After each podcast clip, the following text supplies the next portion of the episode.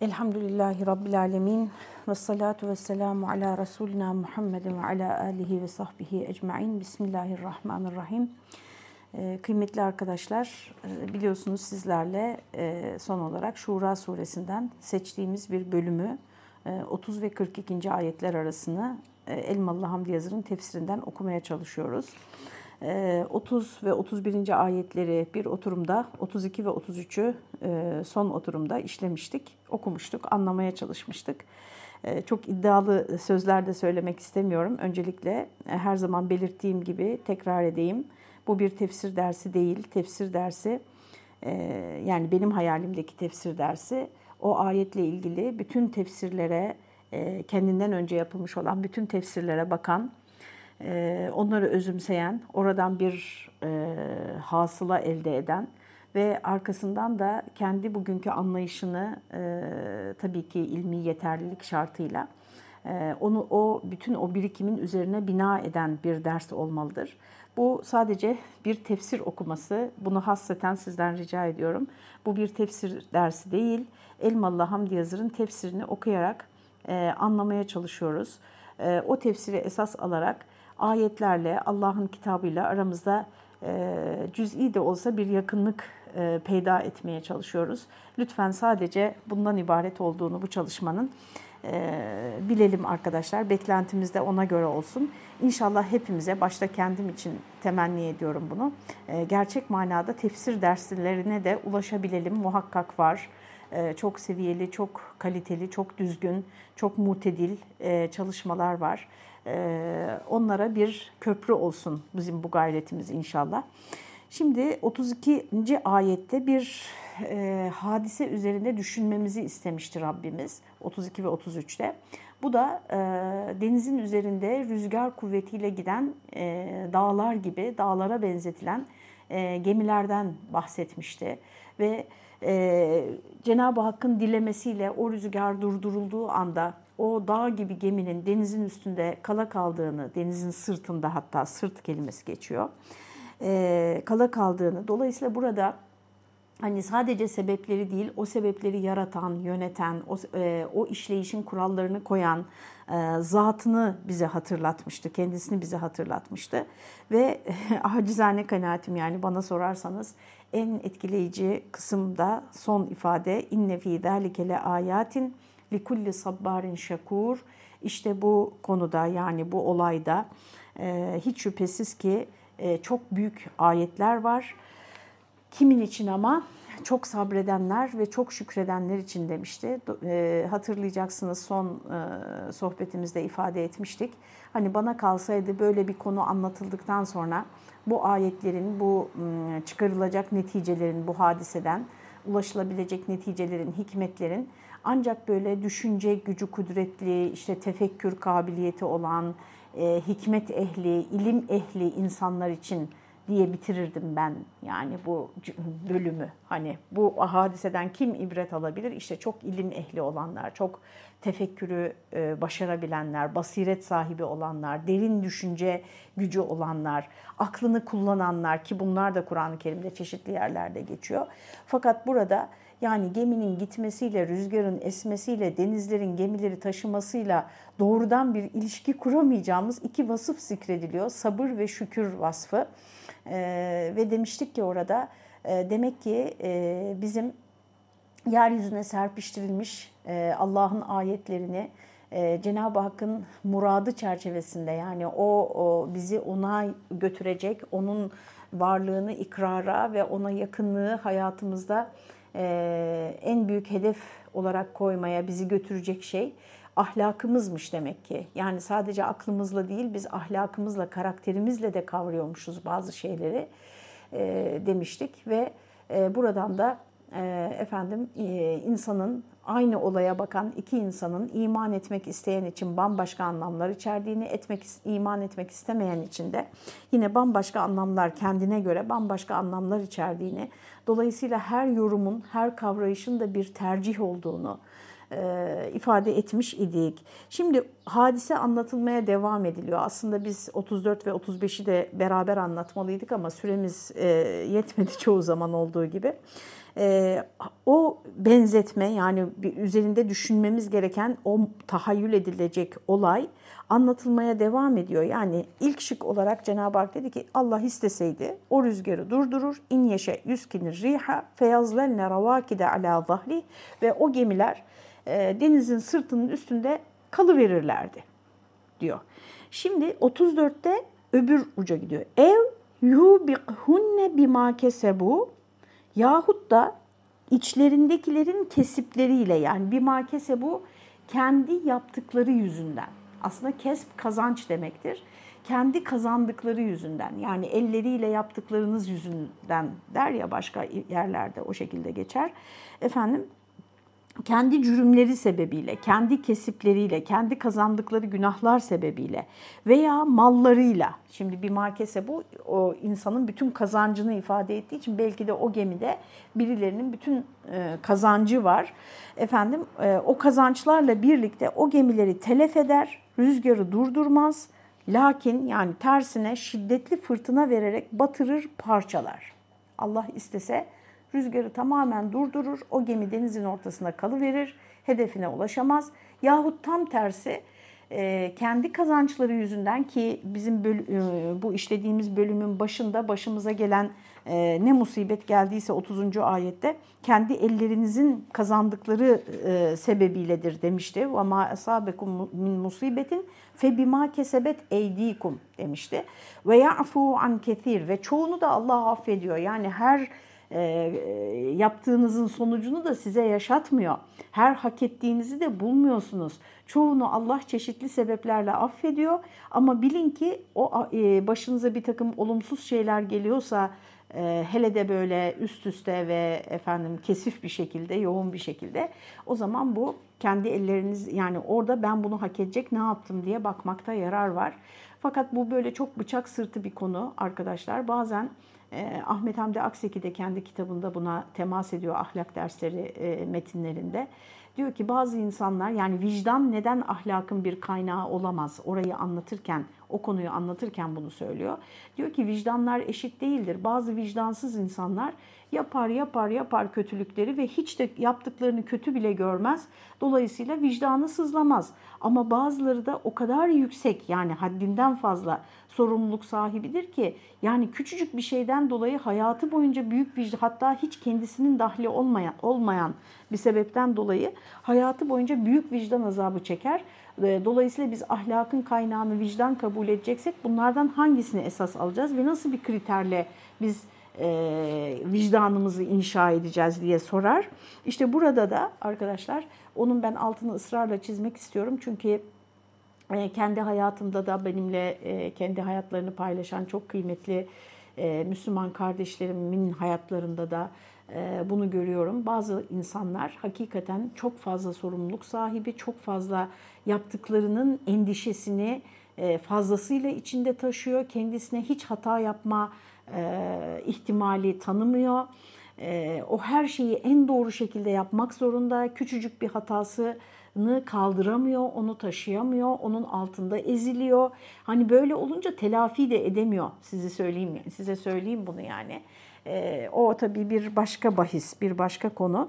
E, yeri geldikçe yine temas ederiz. Fakat e, ortalama insan için söyleyelim ee, bunu yani 40 yıla yakındır o kadar çok kere söyledim ki ben de artık e, yani yeter insanlar bıktı e, diye böyle kendime ikazda bulunuyorum ama tekrar tekrar Rabbimizin kitabında da karşımıza çıkıyor arkadaşlar. Başımıza bir olay geldiğinde can sıkıcı bir olay bu çok küçük de olabilir büyük de olabilir. Birinci ihtimal acaba ben bunu beni bu noktaya getiren ne gibi bir yanlış yapmış olabilirim? Yanlış yaptım mı? Yani benim bir hatam var mı burada e, diye oraya bakmak. E, çünkü o, o hata düzelmediği sürece sonuç düzelmeyecektir. E, ve hani şöyle diyelim vücudunuzda bir enfeksiyon varsa onun kaynağını bulmadıkça ateş düşürücüyle siz tedavi olamayacaksınız. Aynen bunun gibi arkadaşlar sosyal hadiselerde de ahlaki hadiselerde de insanlar arası ilişkilerde de öncelikle kendimiz yani çünkü biz kendimizden sorumluyuz birinci sırada ve kendimizi değiştirme gücüne e, sahibiz sadece. Bir başkasını değiştirme gücü bizim elimizde değil. Dolayısıyla e, bir hadiseyle karşılaştığımızda bunda benim payım ne? Bu isterse milli bir hadise olsun, isterse bütün dünya çapında bir hadise olsun arkadaşlar. Yani işte e, çevre meselesi. Benim bunda payım var mı? Ne yapıyorum ben ve neyi değiştirebilirim kendi hayatımda? Nereyi düzeltebilirim? Çünkü ben oranın hesabını vereceğim zaten. Yani yaşadığınız her şeye e, inna lillah ve inna ileyhi raciun ayet kelimesinin bize öğrettiği şekliyle arkadaşlar biz Allah'ın huzuruna vardığımızda e, bu hadise yani sıra buna da gelecek. Çevre konusundaki davranışlarımıza da gelecek. Benim bir payım var mı? Buraya bakmak işte tüketim açısından aldığım ürünlerin çevreye zarar vererek üretilip üretilmediğini kontrol etme e, imkanım var mı? Bu imkan varken bunu es geçiyor muyum? Gereken titizliği göstermiyor muyum? İşte bunlara bakmak. E, bir kamuoyu oluşturabilir miyim? Dikkatleri bu konu üzerine çekebilir miyim? diye oralara odaklanmak. Yani bir, bir tane hani çok güncel bir örnek verdim. Ee, ama ben bütün dünyayı değiştiremem, kapitalist sistemi değiştiremem elbette. Elbette. Ee, yani o ağırlığın altında da ezmemeliyim kendimi. Çünkü ben e, sadece öncelikle kendimden sorumluyum. Ee, burada da öyle işte e, diyor ki Allah Teala Allah isterse o gemileri durdurur ama 34. ayette de isterse de paramparça eder batırır, telef eder o gemileri. Ama niçin yapar bu telef etmeyi? Arkadaşlar bir makese bu. Yani canı istediği için değil. Veyahut da şurayı, şunları bir batırayım, bakayım ne yapacaklar diye değil arkadaşlar. Yani keyfi değil. Orada o geminin e, geminin ilgilendiği bütün geminin nasıl diyeyim ilgilendiren e, bütün kişiler için alakalı bütün kişiler için bunu söylüyoruz. E, elleriyle yaptıkları yüzünden. Ve ya'fu an ketir ve aslında çoğunu da affetmektedir Allah Teala. Bunu gene hatırlattı. 30. ayette geçen ifade aynen burada geçiyor. Çoğunu da kurtarır. Çoğu gemiyi de böyle fırtınalardan kurtarır ama bazen de işte böyle kendi hak ettikleri için e, bazen de büyük bir fırtınayla o gemiyi batırır diyor Allah Teala. Yani e, sebeplerden çok bütün o sebepleri elinde tutan, sebeplerin iplerini elinde tutan, kainatın işleyişini elinde tutan kendi gücüne yönelmemiz gerektiğini, ona sığınmamız gerektiğini, e, aynen balığın karnındaki Yunus gibi ne diyordu Yunus Aleyhisselam için? Kendisini oradan kurtaracak gücün kim olduğunu bildi yani. Kim bildi derken sonradan öğrendi anlamında değil. Hemen anladı. Kime sığınabilir yani balığın balığın yuttuğu biri kimden medet isteyebilir? Oradan bir telefonla mesaj bile gönderemez yani. E, dolayısıyla burada da öyle. Şimdi e, bir başka şeye dikkatinizi çekip devam edeceğim arkadaşlar. Dikkat ederseniz bu iki hadisede de yani geminin suyun üstünde kala kalması veyahut da bir felaket fırtınayla batırılması. E, iki hadisede de rüzgara temas var. Aslında ikincisinde doğrudan doğruya rüzgar söylenmiyor. Yani bir felaketle geminin batırılmasından yani mesela işte Titanik'te olduğu gibi bir buzdağına da çarpabilir. Ee, bir sis de çıkabilir. Yani illa rüzgar olması gerekmez. Fakat e, dikkat ederseniz ilkinde rüzgarın tamamen durması, ikincisinde ise bir fırtına, bir felaket e, çiziliyor. Bu resmediliyor e, ayet-i kerimede. E, bu bana Ahmet Hamdi Akseki'nin ahlak çok iki yıl son iki yıldır onu çok işlediğimiz için arkadaşlarla beraber hmm, kitabında açıkça değindiği, aslında Gazali'nin de değindiği fakat böyle daha nispeten daha kısa geçtiği e, bir hatırlatmayı e, aklıma getirdi. O da şu arkadaşlar, e, İslam ahlakı bütün alt başlıklarıyla yani işte cömertlik, affedicilik, işte çalışkanlık, vericilik, aklınıza ne geliyorsa yani dürüst olmak, işte güvenilir olmak, bütün bu e, hilm ahlakı yani bütün yönleriyle İslam ahlakını tek kelimeyle özetleyecek olsak bu kelime itidal yani denge kelimesi olurdu arkadaşlar. Bir herhangi bir özelliğin mesela merhametin ifrat hali de rezailden sayılıyor, tefrit hali de rezailden sayılıyor. Mesela şecaat yani kahramanlık, yiğitlik önemli bir ahlaki nitelik ama bu aşırıya kaçtığında zorbalığa dönüşebiliyor. Yok olması durumunda da korkaklığa, zavallılığa dönüşebiliyor. Dolayısıyla fırtınanın buradaki çağrışımlarını kendi hayatınızda iyi bakmamız lazım. Mesela bazı insanlar fırtına gibidir ama bazılarının da rüzgarı kesilmiş gibidir. Yani elini kaldıracak hali yoktur. Ee, bazılarının altındaki ateş çok açılmış, tencere fokur fokur kaynayıp taşmaktadır. Bazılarında ise o kadar kısılmış ki içindeki yemek pişmemektedir.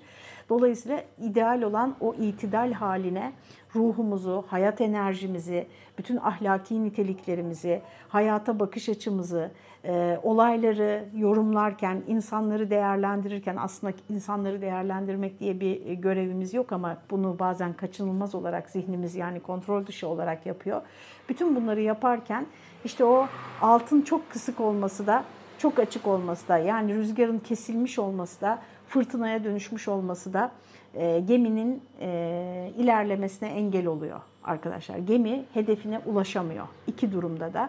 Dolayısıyla rüzgarın yani bizim ruhumuzun, hayat enerjimizin bizi ileriye götürecek ama helak etmeyecek şekilde ileriye götürecek e, kuvvette ayarlanması gerekiyor. İşte tasavvuf tarih boyunca bunu çalışmış insanlar üzerinde e, insanları o itidal noktasına getirmek ve sonra da orada tutup oradan yükseltmek için gayret etmiştir.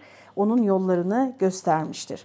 İşte Cenab-ı Hak e, e, İsterse de batırır, helak eder o insanların elleriyle yaptıkları yüzünden e, o gemiyi. Ama veya afu an kethir ve batırmadan bazılarını da birçoğunu hatta bazılarını demiyor an kethir çoğunu da batırmadan kurtarır. Ve ya'lemellezine yucadilune fi ayatina hem bunları bir de şunun için yapar ki ayetlerimizde mücadele edenler bilsinler, anlasınlar. Yani bunları niçin yapar? Ee, Allah'ın ayetleriyle, Allah'ın şimdi buradaki ayetlerle mücadele de arkadaşlar tam şu anda aklıma e, bir husus geldi. İki ayrı yönden oluyor. Birisi nasıl ki ayetler 30. E, ayetin başında söylemiştik. Kur'an-ı Kerim'de geçen ayet ifadesi hem Kur'an'ın her bir cümlesi için söyleniyor hem de kevni ayetler dediğimiz Cenab-ı Hakk'ın yaratılışa, yeryüzüne yerleştirdiği işaretler için, kendi varlığını, gücünü, kudretini, Rablığını bize gösteren işaretler için kullanılıyor. Ayetlerle mücadele çünkü burada ve ya'lemellezine yucadilune fi ayatina. Bizim ayetlerimizde e, mücadele edenler, o ayetlere galip gelmeye çalışanlar diyelim, yenmeye çalışanlar, o ayetleri yenmeye çalışanlar, o ayetlerle bir savaşa tutuşmuş olanlar derken bir ilk aklımıza gelen Allah'ın kitabıyla ve Allah'ın kendisine çağrısı, insanları kendisine davetiyle mücadele edenler, peygamberlerle mücadele edenler, onların yolundan gidenlerle mücadele edenler, o peygamberin arkada bıraktığı e, kitapla, dinle mücadele edenler. İlk önce bu geliyor aklımıza. Ama bir alt metin olarak hatta alt metin bile değil yani ikinci çağrışım olarak da arkadaşlar Allah'ın kainatın işleyişine koyduğu yasalarla mücadele edenler. Yani tabiatla savaşanlar, doğayla savaşanlar. Doğadaki e, varoluşu arkadaşlar Allah'ın eseri e, olarak görüp o düzeni Allah'ın yarattığı şekliyle ondan razı olup benimsemek ve kendisinin o düzen içerisinde misafir edilen, geçici bir süre için misafir edilen, ağırlanan bir kul olduğunu bilmek. Yani böyle bir zihin Allah'ın e, yarattığı bu doğaya, bu, bu tabiata nasıl bakar arkadaşlar? E, tersine e, Tanrı falan yok. İşte bunlar da hepsi kendi kendine oldu. Ben de buranın sahibiyim. Burada olduğum müddetçe bundan e, en yüksek karı elde etmeliyim. İşte yedi ceddime yetecek kadar buradan efendim yararlanmalıyım. Kendime zenginlik üretmeliyim diye düşünenler nasıl davranır? Ama bunu, burada hiçbirimizin masum olmadığı kanaatindeyim ben arkadaşlar. Yani işte ne bileyim biraz pencereyi açsa serinleyebilecekken veya biraz ona göre giyinse serinleyebilecekken her odada bir klima çalıştırmak mesela bakın küçük bir şey ama yani yazın bu çoğumuzun yaptığı bir şey veya tam tersi mesela kışın gidiyorsunuz işte kısa kollu veya ne bileyim incecik şeyler giyinmişler evin içinde ama şeyi de e, kombi veya peteği de sonuna kadar açmışlar, çalıştırmışlar, hamam gibi yapmışlar. Yani bunlar da e, Allah'ın yarattığı arza, zarar veren o yani şöyle düşünün birinin evinde misafirlikteyiz. Bütün eşyalarını talan ediyoruz yani. Nasılsa ben burada kısa bir süre bulunacağım. Her şeyi istediğim gibi kullanmalıyım deyip böyle döküyoruz, saçıyoruz, kırıyoruz, birazını cebimize, çantamıza dolduruyoruz. Yani böyle bir şey doğaya yaklaşımımız. Dolayısıyla Allah'ın ayetleriyle mücadeleyi bu iki yönlü e, hatta başka hususlar da düşünülebilir. Yani mesela Allah işaretlerini bize sürekli yollar. Ama o işaretleri biz hep kendi çıkarımıza göre yorumlarız. Kendi e, hevamıza göre yorumlarız. Kendi hayat anlayışımızı, e, ideolojimizi, kendi ilkelerimizi her neyse tartışılmaz bulup onu esas kabul edip e, bize gönderdiği işaretleri sürekli o bizim zihnimizdeki yapıyı destekleyecek şekilde kullanır. Ona aykırı olanları görmezden geliriz mesela. Çok çeşitli mücadele şekilleri var. İşte bunların diyor bu tip Allah'ın ayetleriyle mücadele eden kişilerin anlaması için Allah Teala bunu böyle yapar. Neyi anlayacaklar? Ma lehum min mahis kendilerine bir kaçamak, bir kurtuluş olmadığını. Yani hiç kimsenin Allah'tan kaçamayacağını, Allah'ın takdirinden kaçamayacağını, Allah onu cezalandırmak isterse hiçbir yere sığınamayacağını, o cezadan kendisini kurtaracak hiçbir sığınma mahallinin olmayacağını anlasınlar diye Allah ayetlerini teslim ederek onların delaletleri dairesinde e, çalışmakladır kurtuluş. Kurtuluş, tekrar ediyorum cümleyi biraz e, devrik oldu. Diyor ki e, halas, kurtuluş ancak Allah'ın ayetlerini teslim ederek onların delaletleri yani o ayetlerin işaretleri, gösterdikleri delilleri, delillikleri yani rehberlikleri dairesinde çalışmakla olacak. Allah'ın sana gönderdiği işaretleri bunlar ister kevni işaretler olsun ister Resulü aracılığıyla gönderdiği ayetler olsun. Bunları e, bunlar bana ne söylüyor bunu anlamak ve o dairede o çerçevede e, çalışmakla ancak kurtuluş olur. Bunun dışında hiçbir şekilde bir kurtuluş onlar için yoktur. Evet sonra 36. ayette e, Rabbimiz e, fema utitum min şeyin femetaul hayati dünya diyerek Elmalı Hamdi Yazır merhumun da e, tercihiyle ey Allah'ın ayetlerinde, ayatında mücadele eden kafirler demiş oluyor zımnen. Yani bu parantez içinde. Yani ey bu mücadele edenler çünkü az önce mücadeleden bahsetti. Ayetlerle mücadeleden. Fema utitum min şeyin Femeta'ul hayati dünya. Yani size bütün bu verilmiş olan şeyler, yani dünyadaki ömür müddetiniz olsun, o ömür müddetince işte size verilen makamlar, mevkiler, zenginlikler, kudret, yetenekler, kapasiteler ne olursa olsun, kazançlarınız ne olursa olsun femetaul hayati dünya. Bunların hepsi dünya hayatının geçici metaıdır. Yani bir faydalanmadan ibarettir. İşte az önce söylediğim gibi bir misafirhanede ağırlanmaktan, faydalanmaktan ibarettir. Orada belli kurallar konmuş. O kurallara uyduğunuz sürece bir şeyler de kazanabiliyorsunuz. Ama o kurallara riayet etmeniz gerekiyor. Çünkü siz oranın sahibi değilsiniz. Lütfen yeri geldikçe tekrar tekrar söylüyorum. Nazife Şişman'ın Emanetten Mülke e, kitabını e, küçücük bir eser ama müthiş bir e, uyarı yapıyor bize. Yani zihnimizin e, değişmesini, o zihnimizdeki o değişimi postmodern yani modernizm ve arkasından gelen postmodernizmle o dönüşümün bize neye mal olduğunu anlatıyor. Biz artık arkadaşlar bedenlerimize de emanet gözüyle bakmıyoruz. Onu istediğimiz gibi şekillendirebileceğimizi hatta işte cinsiyetleri tercih etme ve burnunu ağzını düzeltmekle başladı. Hepsi herkeste de sağlık e, gerekçeleri var. E, neyse yani parantez içinde ünlem koyuyorum buraya.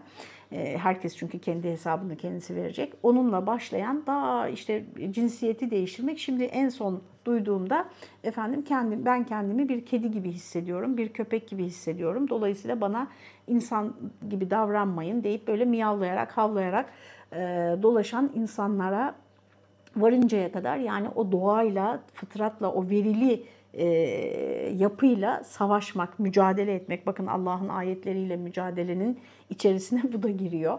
Çünkü biz biz de Allah'ın ayetleriyiz. Bizim elimiz, yüzümüz, bedenimiz. Bu bedenden başlayarak arkadaşlar e, artık neye sahipseniz yani aileniz, malınız, mülkünüz, evlatlarınız, ilim, e, zihniniz, kültürünüz, işte gelenekleriniz, devletiniz, makamlar, mevkiler bunların hepsinin emanet olduğu bilinciyle yaşıyordu bir Müslüman yakın zamana kadar. İster çok dindar olsun ister olmasın arkadaşlar. Yani sadece çok dindarlar, çok bilinçli olanlar değil. En sıradan insan bile bu can bu bedende emanet. Bunların hepsi emanet. Bu çoluk çocuk emanet. İşte emaneti teslim etti denirdi mesela vefat eden birine. Günlük hayatta yani ben kendi konu komşumuzdan duyduğumuz sözleri aktarıyorum size. Şimdi bunların hepsi gitti arkadaşlar. Mesela vefat edene ne deniyor şimdi? Kaybettik. Yani benim bile ağzımdan çıkıyor bazen. Kaybettik deniyor arkadaşlar. Kaybettik, yok oldu yani gitti. Bir daha artık onu bulamayacağız. Kayboldu deniyor. Dolayısıyla arkadaşlar Cenab-ı Hak o bilince bizi tekrar davet ediyor. Ha bunu bugün biz ne kadar geriye dönebiliriz? Bunu ne kadar yani e, tersine çevirebiliriz. Artık ben her şeyin sahibiyim. Bu bedenim bedenim de bana ait. Ona da istediğimi yaparım. Çocuğum da bana ait. İşte her şey bana ait. E, bu doğa da e, sahip olduğum bu tarla, bu arazi, bu ev her neyse bunların hepsi bana ait. Burada istediğimi yaparım düşüncesinden emanet bilincine tekrar geri dönebilir miyiz? Doğrusu büyük çoğunluk için yani kısa zamanda bunun çok mümkün göründüğünü düşünmüyorum. Ama dediğim gibi az önce. Ben arkadaşlar Allah'a vereceğim hesap açısından bakıyorum. Sizler de öyle. Her birimiz Allah'ın huzuruna tek başımıza çıkacağız. Orada ne çoluk çocuğumuz, ne dostlarımız, ne sevdiklerimiz hiçbiri bizim yanımızda olmayacak. Tek başımıza o hesabı vereceğiz. Ve Cenab-ı Hak da benden e, bütün dünyayı düzeltmemi istemeyecek. Gücümün yettiğini yapmamı isteyecek. Onu yapıp yapmadığımı bana soracak yani. Ben dolayısıyla oraya odaklanmak gerektiğini düşünüyorum. Yoksa öbür türlü insanın e, yani zihin sağlığını bile koruması çok zor. Bunların hepsi dünya hayatının geçici metaıdır ve ma indallahi hayrun ve ebqa. Allah yanındaki ise yani Allah'ın katında olan işte sonuç, mükafat ne derseniz deyin buna, rıza ne derseniz deyin.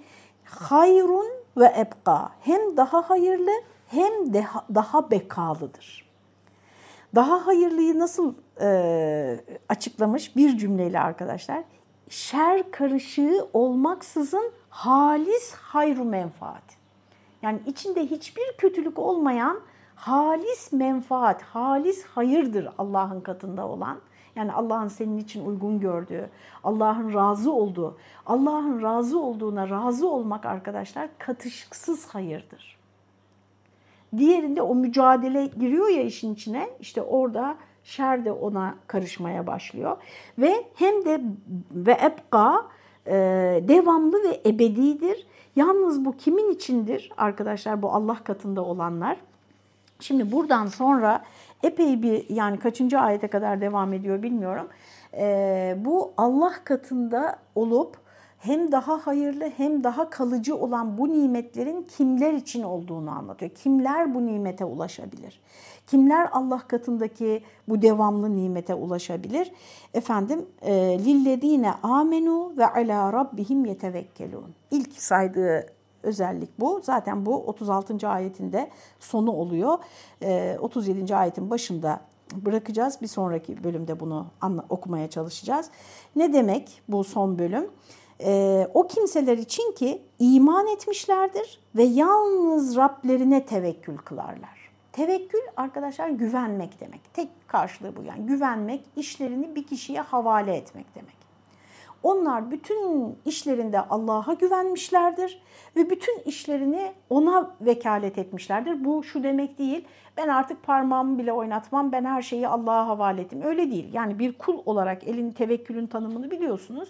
Bir kul olarak, bir insan olarak gücü neye yetiyorsa o kadarını yapar. Ama işin sonu konusunda panik yapmaz, işin sonu konusunda kaygı taşımaz, e, normal sınırların üzerinde bir kaygı taşımaz. İnsan olarak hepimiz e, bir parça endişe taşırız. Fakat böyle hayatını e, zorlaştıracak boyutta bir kaygı ve endişe taşımaz. Ona tefvizi umur ederler. Tefvizi umur yani bütün işlerini ona havale ederler. Efendimiz sallallahu aleyhi ve sellemin her gece okuduğu söylenen bir duası var. Arkadaşlar buna e, yani bir iki cümlesini bile, bir iki kelimesini bile Google'a yazdığınızda ulaşabilirsiniz. Allahümme inni eslemtu nefsi ileyke ve fevvettu emri ileyke ve elce'tu zahri ileyke la melce'e ve la menca minke illa ileyke amentu bi kitabikellezi enzelte ve bi nebiyyikellezi erselte diye bize de öğretiyor. Arkadaşlar bu duanın e, anlamını bilmeyen yani anlamıyla birlikte öğrenemeyecek olan Türkçesini anlamını okusun her gece yatağına yattığında. Bir iki cümlesini söyleyeyim. Allah'ım kendimi sana teslim ettim. Allahümme inni eslemtü nefsi ileyke ve fevvattu emri ileyke. İşte bu tam burada söylenen tefviz umur. Bütün işlerimi sana havale ettim. Ve elce'tu zahri ileyke sırtımı sana dayadım diye böyle devam ediyor. İşte Peygamber Efendimiz bu mertebeyi dualarımızda Allah'tan talep etmemizi hem de her gece yaptığımız duada Allah'tan talep etmemizi bize tavsiye ediyor.